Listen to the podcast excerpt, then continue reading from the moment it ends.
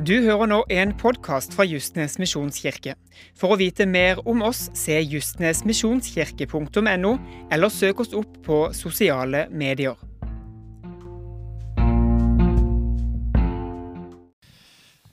Så fint å lovsynge sammen. Kan vi ikke gi dem en applaus?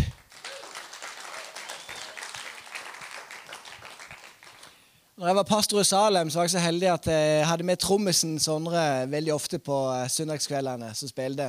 Jeg kan bare si at Sondre er så god at når jeg lovsang mange ganger, så klarer jeg ikke lovsangen, for jeg måtte bare beundre trommespillinga til Sondre. Og det er fakta. Så en god trommis de, eh, de eh, ligger høyt hos meg. Derfor, derfor har mine barn fått trommesett allerede. Du, Kjære menighet, jeg tenker på én ting ofte. Jeg vet ikke om dere tenker på det, Men tenk at en dag så skal vi få lov til å møte Jesus igjen i himmelen.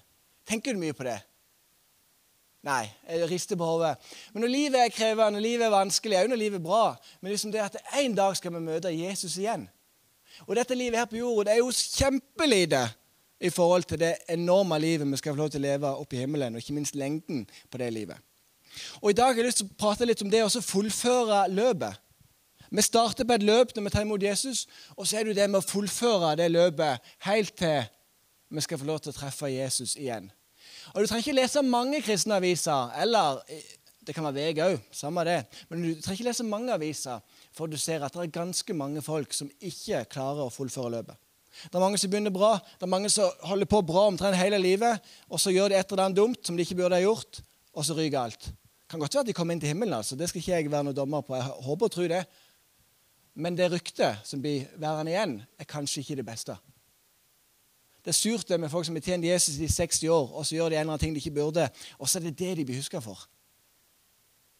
Og så er spørsmålet til meg og deg at tenker vi på det, og så fullfører løpet. Tenker vi på det at det eneste vi får med oss for jorda, det er andre mennesker som tar imot Jesus. Det er det vi får med oss den dagen vi skal få lov til å reise til himmelen igjen. Så jeg har lyst til å si det at du som er inne, hver enkelt person der inne, du er kjempeviktig for Guds plan. Det er ikke noe tilfeldig for at du går i Justnes misjonskirke. Jeg tenker at du er en del av menigheten der. Jeg tenker at du er en misjonær der som du bor. Så likte jeg det som Camilla sa innledningsvis, det med ordet forventning. Har du en forventning om at Gud skal bruke deg til å bety en forskjell for andre? Har du forventning om at når du kommer på gudstjeneste sånn som i dag, så skal, skal kanskje Gud møte deg? Eller kanskje, eller kanskje, du skal få lov til å bare ære Gud for den han er? Har en forventning om at der som vi treffes, der er Jesus iblant dere? Jeg skal lese en tekst fra Hebreerne kapittel 12, vers 1-3. Jeg er veldig glad i denne teksten. Og det tror jeg dere òg er, og mange av dere har hørt den før. Og der står det Derfor, når vi har så stor en sky av vitner omkring oss, så la oss legge av alt som tynger. Vi kan legge av alt som tynger, og synden som så lett fanger oss inn, og med utholdenhet fullføre det løpet som ligger foran oss. Med blikket festet på ham som er troens opphavsmann og fullender, Jesus. For å få den gleden han hadde i vente, holdt han ut korset uten å bry seg om skammen. Og nå har han satt seg på høyre side av Guds trone. Ja, tenk på ham som holdt ut en slik motstand fra syndere, så dere ikke blir trette og motløse. Kan du av og til føle deg trett og motløs? Kom an, Vær ærlig med meg. Jeg tror mange kan kjenne på det. At en har litt lyst å gi opp fordi at livet blir for krevende. Og Jeg tenkte på en eh, taxisjåfør som jeg traff nå i uka som var. Jeg har vært i Haugesund så jeg var i Bergen. og så jeg undervist mye og, og, på forskjellige samlinger der oppe gjennom den andre jobben som jeg har i Ung. Og når jeg var i Haugesund, så hadde jeg så dårlig tid at jeg måtte ta taxi. En ganske god følelse å ta taxi. Det går mye fortere enn å vente på flybussen. Så det var ganske deilig. Men når du jobber i kristne kretser, så er du ikke så vant med det. For da gjør du alt billigst mulig. Alltid. Nå satt jeg meg i taxien og så satt jeg og skrev noen meldinger. så tenkte jeg, nei, jeg her, jeg må jo jeg må prate med denne mannen. her, Jeg må benytte meg av muligheten. Jeg vet jo ikke om han kjenner Jesus eller ikke. Så jeg begynte også å prate litt med han. Ja, 'Hvem er du? Hvor kommer du fra?' Og Så begynner han også å fortelle om livet sitt. Han, altså, han var super-Robin. bare sånn bang, der åpna han opp alt. Så jeg bare følte nesten at vi ble bestevenner på ti minutter. Det var ganske sprøtt. Men da forteller han at for, for ti år siden så bodde han i Syria. Så kjenner alle til krigen som var i Syria. Og pga. den krigen så måtte han flytte. Han flytta til Norge. Han hadde to søsken som måtte flytte til Tyrkia. Han hadde to foreldre som flytta til Canada og tok med seg en eller to barn til Canada. Og nå ti år seinere Han har ikke møtt foreldrene sine på ti år.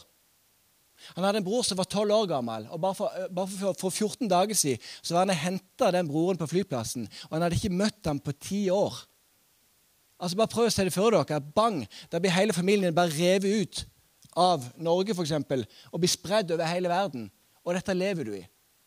Så flytter han til Norge. Han er ferdig utdanna jurist, altså godt utdanna mann. Men så teller ikke den utdannelsen i Norge. Så fordi ikke den utdannelsen teller i Norge, så jobber han som taxisjåfør istedenfor. Og kjører taxi hver eneste helg. Ikke bare ei helg, hver helg, året rundt. Og prøver å studere litt på dagtid og samtidig for å komme inn i Norge. Men tenk på det. At der hadde du alt. Han hadde en jobb i Syria, det var trygt, det var godt, han hadde familien sin der. Alt så fantastisk ut så blir alt bare revet ut av hånda di. Og For meg så setter det ting litt sånn i perspektiv at livet det er ekstremt urettferdig. Kan vi være enige om det? At det ikke er noe rettferdig i hvordan det blir, eller hvorfor det blir sånn. Eller, det er ikke det. Men jeg pratet med han, så det som var overraskende, var at han, han, så veldig positivt på livet. Han var en, en troende muslim som uh, levde, det, levde for, for, for, alle da. Og han var sånn at Neimen, nå skal jeg treffe foreldrene mine i Tyrkia om, eh, om, en måned eller to. eller hva han sa for noe. Og var veldig glad for det. Men jeg bare ser for meg at tenk, tenk hvordan det var for han da, å fullføre det løpet som var satt før han. Og Så ser det ulikt ut i ditt liv, så ser det ulikt ut i mitt liv, fordi at vi er alle forskjellige. Men når vi leser om de eh, hebreerne som vi ser på teksten her, så var én ting tydelig. De møtte masse motstand. Hvis du leser det brevet, så ser du at var det noe de møtte, så var det motstand. Mange mennesker som, som så ned på dem, mange som forfulgte dem, mange som ønska å gjøre det vanskelig for dem, fordi de, de ville ikke ha så mye med Jesus å gjøre. Og Vi leser òg at de, de ble trøtte, de ble lei, og de kjente at dette er krevende. Og så tror jeg at vi mange ganger kan kjenne oss igjen i det. At livet, det bare går. Plutselig ja, det gikk det en uke, det gikk et år. Oi, plutselig er det året gått. og Så opplevde vi det og det og det. Så kan vi noen ganger kjenne på at åh, vi er litt trøtte. Og vi er litt leie. Og vi er sånn at vi orker kanskje ikke å fullføre det løpet som ligger framfor oss. Og Hebreerne stiller nok samme spørsmål som vi stiller oss. Det er sånn at, Kan Gud elske oss? Kan Gud elske meg når han tillater så mange lidelser? Jeg tror mange av dere stiller det spørsmålet. Det er iallfall jeg stilt noen ganger. At, eller, eller, eller, hvor er du, Gud? Du kan jo bare, kan jo bare knipse. Og så ordner du alt. Og så var det som en mann sa, som hadde tatt imot Jesus og levd litt som en kristen. Han sa det, at Guds veier er rare og uforståelige. Da jeg ikke var en troende, da slapp jeg lett igjennom livet. Men etter at jeg ble en kristen, da kom alle prøvelsene. Tenk på det. At det sa han. Han hadde levd et helt annet liv, langt vekke fra Gud. Det hadde vært lett, det hadde vært null stress. Så tar han imot Jesus, og plutselig så merker han at oi, der kom prøvelsene. Og det tror jeg mange av dere kan kjenne på. at det er sånn at Gud, hvorfor er det sånn? Og kanskje du tenker i livet ditt noen ganger, og kanskje nå òg, at Gud, nå må det være nok. Nå må du fikse opp i dette. Og så skulle jeg ønske at jeg hadde et godt svar på hvorfor det er sånn, men jeg har ikke et godt svar på hvorfor det nødvendigvis er sånn. En ting som jeg opplever denne menigheten her, eller noen gaver som denne menigheten har fått, veldig sånn tydelig, det er at jeg opplever at mange hører for Gud. Mange får ord for Gud, mange får bilder for Gud, som kan, som kan, treffe rett inn i andre sine situasjoner. Jeg opplever at det er en sånn dimensjon som har ganske mye av i Justnes. Og så er det én dimensjon som jeg savner litt mer av. Og det er den som går på ytre helbredelse. Og så er det den dimensjonen som går på indre helbredelse. At Er det noe jeg ber Gud mye om, så er det at Gud la oss få mer av den dimensjonen òg. For det er mange mennesker i denne kirka som trenger at du kommer med en indre helbredelse. Så det er òg mange som trenger at du kommer med en ytre helbredelse. Og så vet jeg at du kan, Gud. Så hvorfor kan du ikke bare gjøre det? Og så tenker jeg, og så tror jeg du òg tenker på det at, at det hadde vært så enkelt for Gud å bare gjort det. Så kan vi snu litt på bildet her, på alt det som vi holder på med nå. At Når vi leser hebreerbrevet, så kan vi også se på det at det er noen folk som er gått foran oss. Det er noen som har betalt prisen. Det er noen som har ofra livet sitt, sånn at meg og deg kan sitte her i dag. Tenk på det. Elleve av tolv apostler eller disipler av Jesus de døde for sin tro. Det var bare Johannes som slapp det. Men alle de andre gjorde det. Så leste jeg her for et par dager siden om en som heter Trofim Dimitrov. Og han kunne høre at hundene de eh, gjødde nede i eh, et svære holde.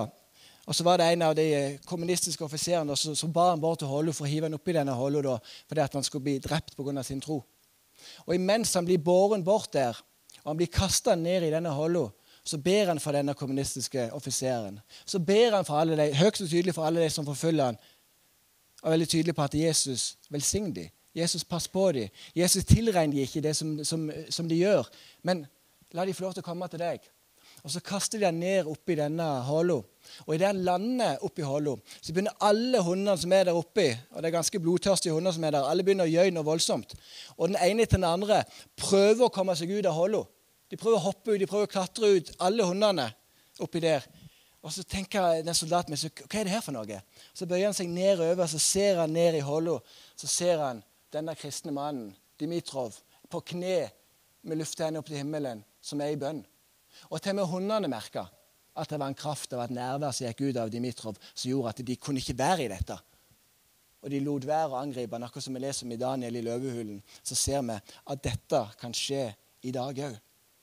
Som vi ser i teksten her, der er en sky av vitner som har gått foran oss. Det er noe som har betalt prisen for meg og deg. Så tenker jeg at meg og deg kan òg få lov til å betale prisen for noen andre som går foran oss. Jeg leste òg en annen historie. Bare, bare hør på det her. Og Dette var en kommunistisk politimann her òg, som sa til en kristen mens han slo han, Jeg er allmektig, sånn at du antar at din Gud er. Jeg kan drepe deg. Og så svarer den kristne, makten er helt på min side. Og hør på det her. Jeg kan elske deg imens du torturerer meg til døde. Tenk det fokuset. Så tror ikke jeg at vi klarer det i oss sjøl, men det tror jeg at det er Jesus' nærvær som er så tydelig i livet hans, som gjør at han klarer å vise den kjærligheten og være til stede der. Så Jeg leser litt om en som heter altså Hør på dette navnet. her, Du blir jo salig bare det. Grev Nikolaus Ludvig von Sinsendorf. Det er helt fantastisk. altså For en mann. Han er en som jeg leser litt om av og til. For det livet han lever, er bare helt sprøtt. Men noen av hans etterfølgere så skal, skal ikke vi gjøre det, slapp av, men det er bare for å vise hvor sprø noen kan være for Gud. Noen av hans etterfølgere, herrnhutterne heter de, de velger å selge seg sjøl som slaver for noen andre mennesker, sånn at de kunne gi Jesus til dem gjennom å være slaver for dem. Tenk det. Det er ganske sprøtt. Jeg ber ikke deg om å gjøre det, så ikke skriv eller si til en avis at Johnny har sagt det, for det er ikke sagt. Men noen ganger så har jeg bare lyst til å sette ting i perspektiv. At det er prisen som noen må betale for å følge Jesus. Og så tror jeg ikke greve von Syndorf sa at dere måtte gjøre det. Det tror jeg ikke. Jeg tror de kjente på det sjøl, og så ville de gjøre det for Gud. Det tror jeg det var det de gikk i. Men det er mange som har gått foran dere. Hør Hebreerne 13, 7-8. Glem ikke lederne deres, de som talte Guds ord til dere. Tenk på deres liv og utgangen det fikk, og ta deres tro til forbilde. Jesus Kristus er i går og i dag den samme. Ja, til evig tid. Og når jeg sa det forberedt, så tenkte jeg at vi må ikke glemme det er dere som er oppvokst i en kristen familie. Glem ikke mamma og pappa alt det de har gjort for dere. Glem ikke om du har en kristne besteforeldre. Glem ikke om det er noen før det som har gått foran dere. Glem ikke de som var ledere i barnekirka eller i ungdomsarbeidet. Glem de ikke, men tenk på alt det de la ned i deg. Og så blir jeg sittende og tenke på en som heter Palmer. En levende legende på Haua som har betydd så mye for meg. Og Palmer har en bror som heter Jim Jo. Det er veldig gøy. Og mora heter Gerda, ei god dame. Veldig glad i, Det heter òg omdelt litt av sånn som meg. Veldig glad i, i, hele den familien. Det er nydelige folk. Men Palmer han har betydd mye for meg. Han har betydd mye for utrolig mange i pinsemenigheten i Britannia, der jeg er oppvokst. Med måten som han viste dere Jesus på. Palmer var, altså, han var sånn en uh, fyr som alltid var til stede. 100% fokus i samtalen. Han så deg, han heide på deg, han tøyste med deg. Han sa at du var bra. Palmer han ber for hver eneste gudstjeneste jeg taler på fortsatt. Så vet jeg at Palmer alltid ber når jeg skal tale. For dette. og han har betydd så mye for meg og mitt liv gjennom den måten som han er på. Og Palma vet du, han spiller ennå og jeg spiller de gode, gamle sangene som er på Vigelandvekkelsen. Det noen kan de sangene, så er det Palmer. Altså, Helt nydelig fyr. Og, jeg husker jeg en gang med Palmer at det, det er ikke alle akkordene på gitaren han kan. Fant vi plutselig ut. Og Så skulle de synge en sang, da, bandet, og de holdt på. Og så, sånn, så så han en, en, akkord som han ikke kunne. Og så spør ja, men den akkorden der, hva er det for en akkord? Og så sier hun som synger men den har vi jo spilt 100 ganger før. Og du vil spille denne 100 ganger før sammen med oss. Og så sier han jo, ja, det er den akkorden. ja. Men hva pleier du, du å gjøre da, Palmer? Nei, da pleier jeg bare å løsne hendene og si 'prise Gud'. Og så spiller jeg videre når den akkorden er over. Det er helt totalt nydelig. Altså Palmer jeg bare sier det, levende legende som har betydd så mye for meg. Og Hver gang jeg treffer han, så kjenner jeg bare på glede. Og Jeg tror alle dere som er her inne, har en eller to eller tre eller fire eller fem eller ti eller 20 sånne personer som har betydd noe for livet deres. Og så kan vi få lov til å bety noe for andre sitt liv og få lov til å fullføre den tjenesten som vi står i. Noen ganger så er troens vei det kamp og det er tålmodighet og det er lidelse. Og så er det sånn at Å fullføre løpet det er jo ikke bare en sprint. sant? Det er ikke bare en 100 meter, men det er jo en maraton. Og som en lur mann sa, at vil du delta i en idrettskonkurranse, da løper du 100 meter. Men vil du lære noe om livet, da løper du maraton. Det er bra sagt, altså. Hvor mange her inne har løpt maraton? Er det sant? Det er ikke verst, altså. Det er jo helt nydelig. Alt det du kan. Det er jo fantastisk. Altså, Seriøst, hva var oddsen for uh, at det var vår gode venn her og ingen andre som er Fantastisk. Vi, har litt å prate om. Jeg sjøl har løpt en maraton. Og, og, kan det anbefales? Nei. Nei, det kan, altså vi er enige om det at det kan på ingen måte anbefales. Men hvis du vil lære noe om livet, så kan det anbefales. Og For ni år siden så løpte jeg min første og eneste maraton. Det kan være jeg springer en til senere. Det får jeg se hva jeg eh, orker eller gidder. for å si det sånn. Men nå gidder jeg ikke. Men jeg, hadde et, jeg trente godt. Jeg var ganske seriøs. Jeg hadde et mål om å springe under, under 3,30 og det lå jeg godt innenfor med tanke på hva jeg trente på. og alle løpeturene Jeg hadde. Jeg var skikkelig godt forberedt. Jeg kommer den dagen, og jeg er superklar. Jeg begynner å jogge.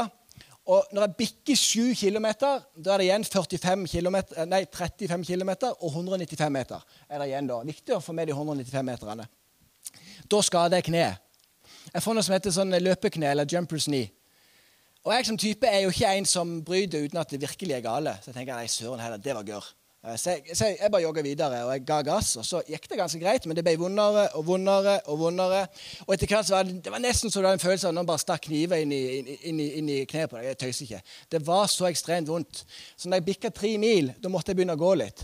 Og jeg halta jo så bare det. Så helt vilt ut. Så jeg, jeg der litt da, men jeg tenkte jeg må komme meg i mål.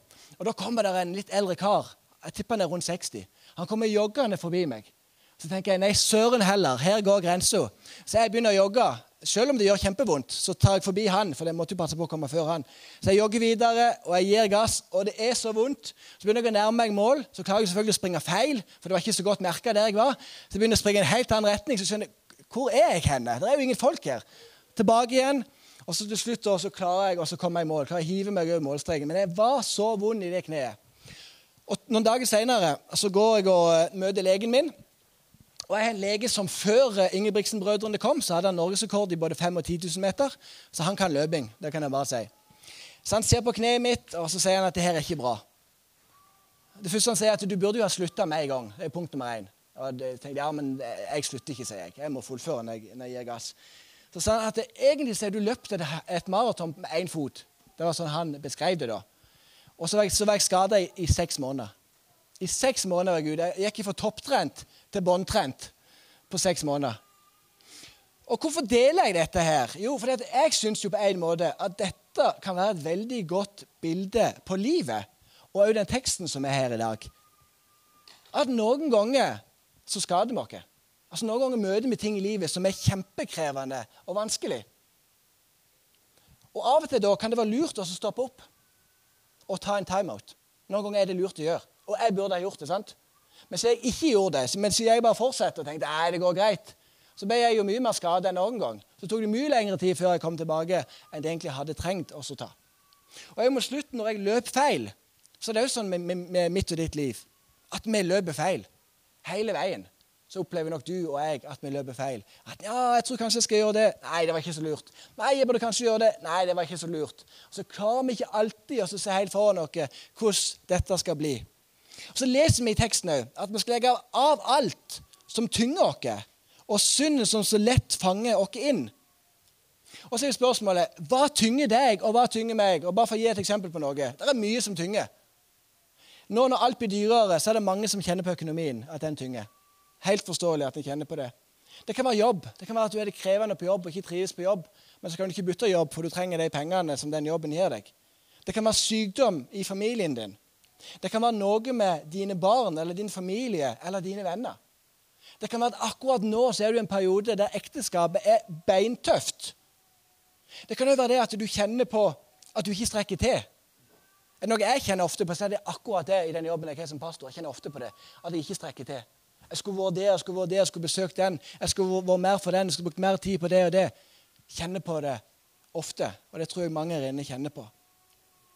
Òg det er vi gode nok? Er vi hellige nok? Er vi gode nok kristne? Kan jeg kjenne en del på i livet mitt. Det kan være at du bekymrer deg for framtida. Det kan være global oppvarming, det kan være krig. altså Det kan være alle mulige ting som vi bekymrer oss for. Og når jeg satt hjemme på fredag og forberedte meg, så var det liksom én ting som jeg kjente ekstra på, som Paulus kjenner seg veldig igjen i. Og det, det som kanskje tynger meg mest i livet, oftest, det er menigheten. Det er Justnes misjonskirke. Det er alle folkene som går her. Det er alle jeg prater sammen med, det er alle jeg ber for. Det er alle jeg får lov til å dele glede og sorge med. Jeg kjenner ofte på det. Mange ganger når jeg legger meg på kvelden, så blir jeg liggende og tenke på den. Hvordan går det med den? Hvordan er det med den? Hvordan fungerer det? Eller når jeg våkner tidlig på morgenen, eh, eller, eller får ikke sove, eller hva det skal være for noe. Sånn, ja, hvordan går det med den? Eller Gud, hvordan skal vi gjøre dette? Eller hvordan skal vi fikse dette? Eller hvordan skal vi hjelpe den? Når jeg er her på en søndag, så er det sånn at å, jeg savner den familien. jeg savner den familien. Ikke fordi at jeg skal ta noen, for folk må jo gå så mye de vil. Men det, er kjærlighet. at, å, 'Hvordan går det med deg?' Ja, 'Nå er det lenge siden de har vært.' Jeg sender en melding og hører hvordan den har det.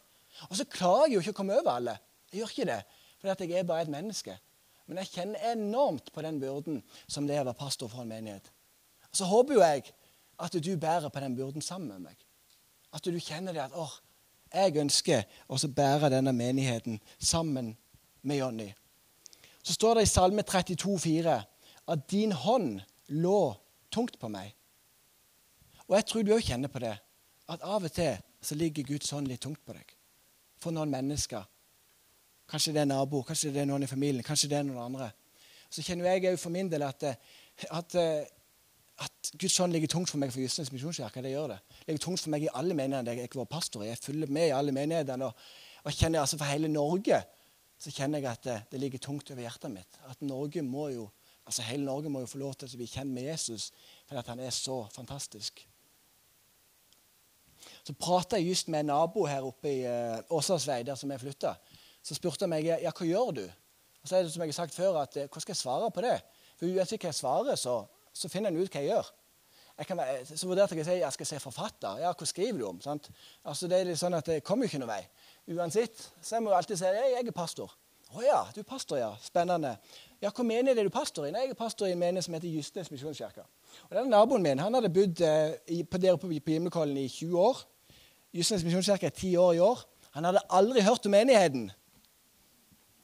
Og da tenker jeg med meg sjøl at ah, så gøy. Så jeg, Hæ, er du seriøs? Har du aldri hørt om Justnes misjonskirke? Nei, det hadde han ikke. Ah, nei. Ja, det har min jobb å gjøre. Jeg sa, ikke, jeg sa ikke det til han, men jeg tenkte på det. For jeg drømmer jo om at det skal være sånn at hvis vi hadde forsvunnet, så hadde mange merka det. Jeg drømmer jo om at alle skal ha hørt om oss. Ikke fordi at vi er så fine og flotte, jo, kanskje derfor òg, men fordi at de merker at vi har et hjerte. De merker at vi bryr oss. De merker at vi betyr en forskjell for de fire bydelene som er en del av. Det drømmer jo jeg. At i enda større grad i årene som kommer, så skal folk merke at justes misjonskirke, vi er her. Vi er ikke nok med oss sjøl, men vi ønsker oss å bety en forskjell for mennesker som er rundt dere. Så Det har jeg tenkt ganske mye på siden den samtalen som vi hadde der. Så står det videre i samme tekst. Med utholdenhet så skal vi fullføre det løpet som ligger foran oss. Og Da må jeg bare lese fra Filippane 3, vers 13-15. Og hør på de fine versene her. Jeg bare elsker de versene her. Men én ting gjør jeg, sier Paulus. Jeg glemmer det som ligger bak, og strekker meg etter det som er foran, og jager fram mot målet, mot den seiersprisen som Gud fra det høye har kalt oss til i Kristus Jesus. La oss tenke slik, alle vi som har nådd fram til modenhet. Og om dere ser annerledes på noe, skal Gud gi dere klarhet også i det. Og det er ikke lyst til at Siste del av min tale skal handle om det er det som jeg leste om i stad. At det med å feste blikket sitt på Jesus, og hele veien gjør det Jeg sier det mye, men jeg må si det igjen og igjen. og igjen, At livet blir totalt annerledes når vi klarer å feste blikket på Jesus. Når Peter gikk på vannet, da gikk han på vannet mens han hadde blikket festa på Jesus. Når han så Jesus i øynene, at ja, Jesus, dette er mulig, dette kan jeg fikse, da gikk det greit. Men idet han begynte å se på seg sjøl, så var det sånn Nei, det her går jo ikke. Dette er jo umulig. Og det er klart det er umulig å gå på vannet. Og da falt han igjennom, fordi han mista blikket på Jesus. Men når han så på Jesus, da gikk han faktisk på vannet. Og jeg merker det i mitt liv, at når jeg klarer å feste blikket mitt på Jesus, da har jeg det mye bedre. Da lever jeg nærere. Da gjør jeg færre feil. Da er jeg en bedre pappa, da er jeg en bedre ektemann, jeg er en bedre pastor, jeg er en bedre venn. Jeg er bedre i møte med alle typer mennesker når jeg klarer å feste blikket på Jesus. Men noen, men noen ganger så har jeg sånne dager som er bare sånn forferdelige ja, forferdelige dager der alt bare er krevende og vanskelig. og Jeg klarer ikke å se noe annet enn meg sjøl og all min elendighet. Det er noen som kjenner seg igjen i det av og til. De dagene der. Heldigvis er jeg ikke så mange av dem. Noen er mer uheldige enn meg og jeg har mange av dem. Men jeg har ikke så mange av dem. Men de gangene årene de kommer, alt er bare bånd. Og jeg er sur. Og, og, så er det bare sånn Nei, men Jonny, fest blikket ditt på Jesus. Legg de tingene på Jesus. Legg det vanskelige og umulige på Jesus. Og så vil du merke at det skjer noe. Og der du er nå i livet, der livet er bra eller krevende, altså fest blikket ditt på Jesus. Jeg har funnet ut én ting i min vandring. At det største problemet i min vandring med Jesus, det er Jonny Omdal. Det er meg. Jeg er det største problemet for Gud i min vandring. Jeg kan bare si det. For jeg er ikke så god i meg sjøl. Jeg er ikke så inkluderende alltid i meg sjøl. Jeg kan være litt sur og grinende, grinete og gretten og alle mulige ting. Og jeg kan få nok med meg sjøl. Så bare står jeg i veien for Gud. Istedenfor å heve blikket og si men Jesus, jeg fester blikket mitt på deg. Du har ikke sagt at jeg skal fikse det. Du har ikke det. Men du har sagt at du skal fikse det gjennom meg. Så når jeg klarer å endre det fokuset, da skjer det noe. For at Jesus har aldri bedt deg om å klare det. Han er ikke det. Han har aldri bedt deg om å være god nok. Han har aldri bedt deg om å, om å bære hele verden. Han har bare sagt, 'Kom til meg. Kom og bli hos meg. Bli i meg, så blir jeg i deg.' Bli lik meg. La meg lede deg. Det er det Jesus har sagt. At vi skal feste blikket hans, eller vårt på han. Og hva var det Stefanus gjorde? Altså Han blir regnet som den første martyren. Jeg leste den teksten, og den er jo så sterk. Se nå på veggen.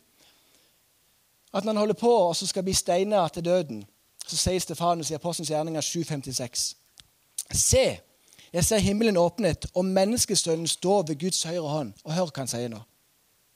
Og de steinet Stefanus mens han ba og sa, Herre Jesus, ta imot min ånd. Så falt han ned på kne og ropte med høy røst, Herre, tilregn dem ikke denne synd. Og da han hadde sagt dette, så sovnet han inn. Jeg tror ikke Stefanus hadde klart å sagt det som han sa, eller være i den situasjonen hvis han ikke hadde blikket sitt festa på Jesus. Jeg tror ikke det. Jeg tror ikke jeg hadde klart å, å, stå i en sånn situasjon hvis ikke jeg hadde kjent at det kom en styrke for Jesus. Jeg må være såpass ærlig på akkurat det. Det står i 2. Timoteus 4,7, så det er Paulus som sier Jeg har stridd den gode strid, fullført løpet og bevart troen. Og det er det jeg drømmer om for deg, og det er det jeg drømmer om for meg. Vi kommer til å løpe feil. Vi kommer til å gjøre feil. Vi kommer til å bomme på målet. Vi kommer til å ikke klare oss å fikse livet. Så kan lovsangsbandet bare komme opp. Men det er verdt alt sammen. Og så har jeg lyst til å stille et spørsmål til slutt her. Du vil sannsynligvis aldri bli bedt om å dø for din tro. Sannsynligvis så slipper vi det. Vi er såpass heldige i Norge. Men så står vi likevel overfor et valg hver dag.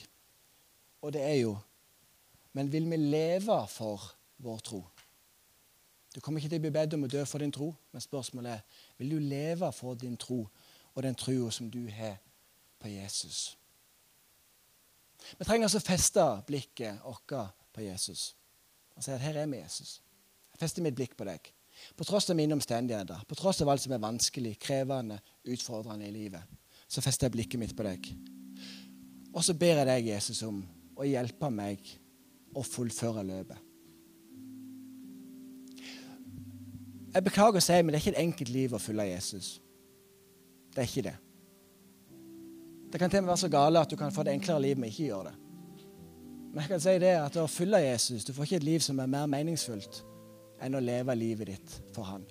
Der du kan få lov til å bety en forskjell for andre mennesker, en forskjell for mennesker som er rundt deg.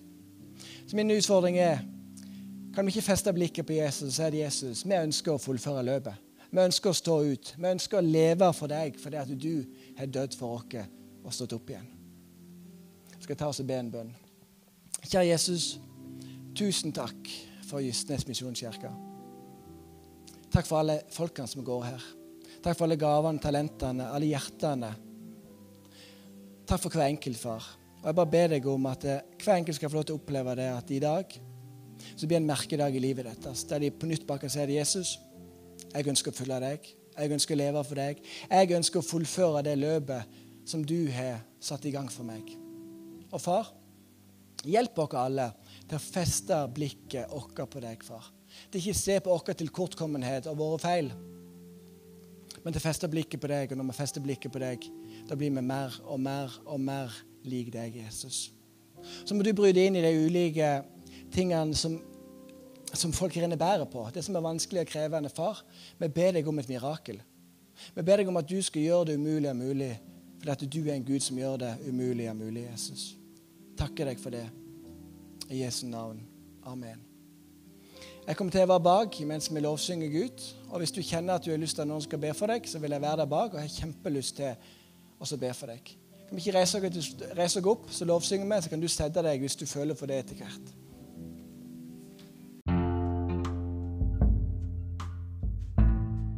Du har nå hørt en podkast fra Justnes misjonskirke. For å vite mer om oss, se justnesmisjonskirke.no, eller søk oss opp på sosiale medier.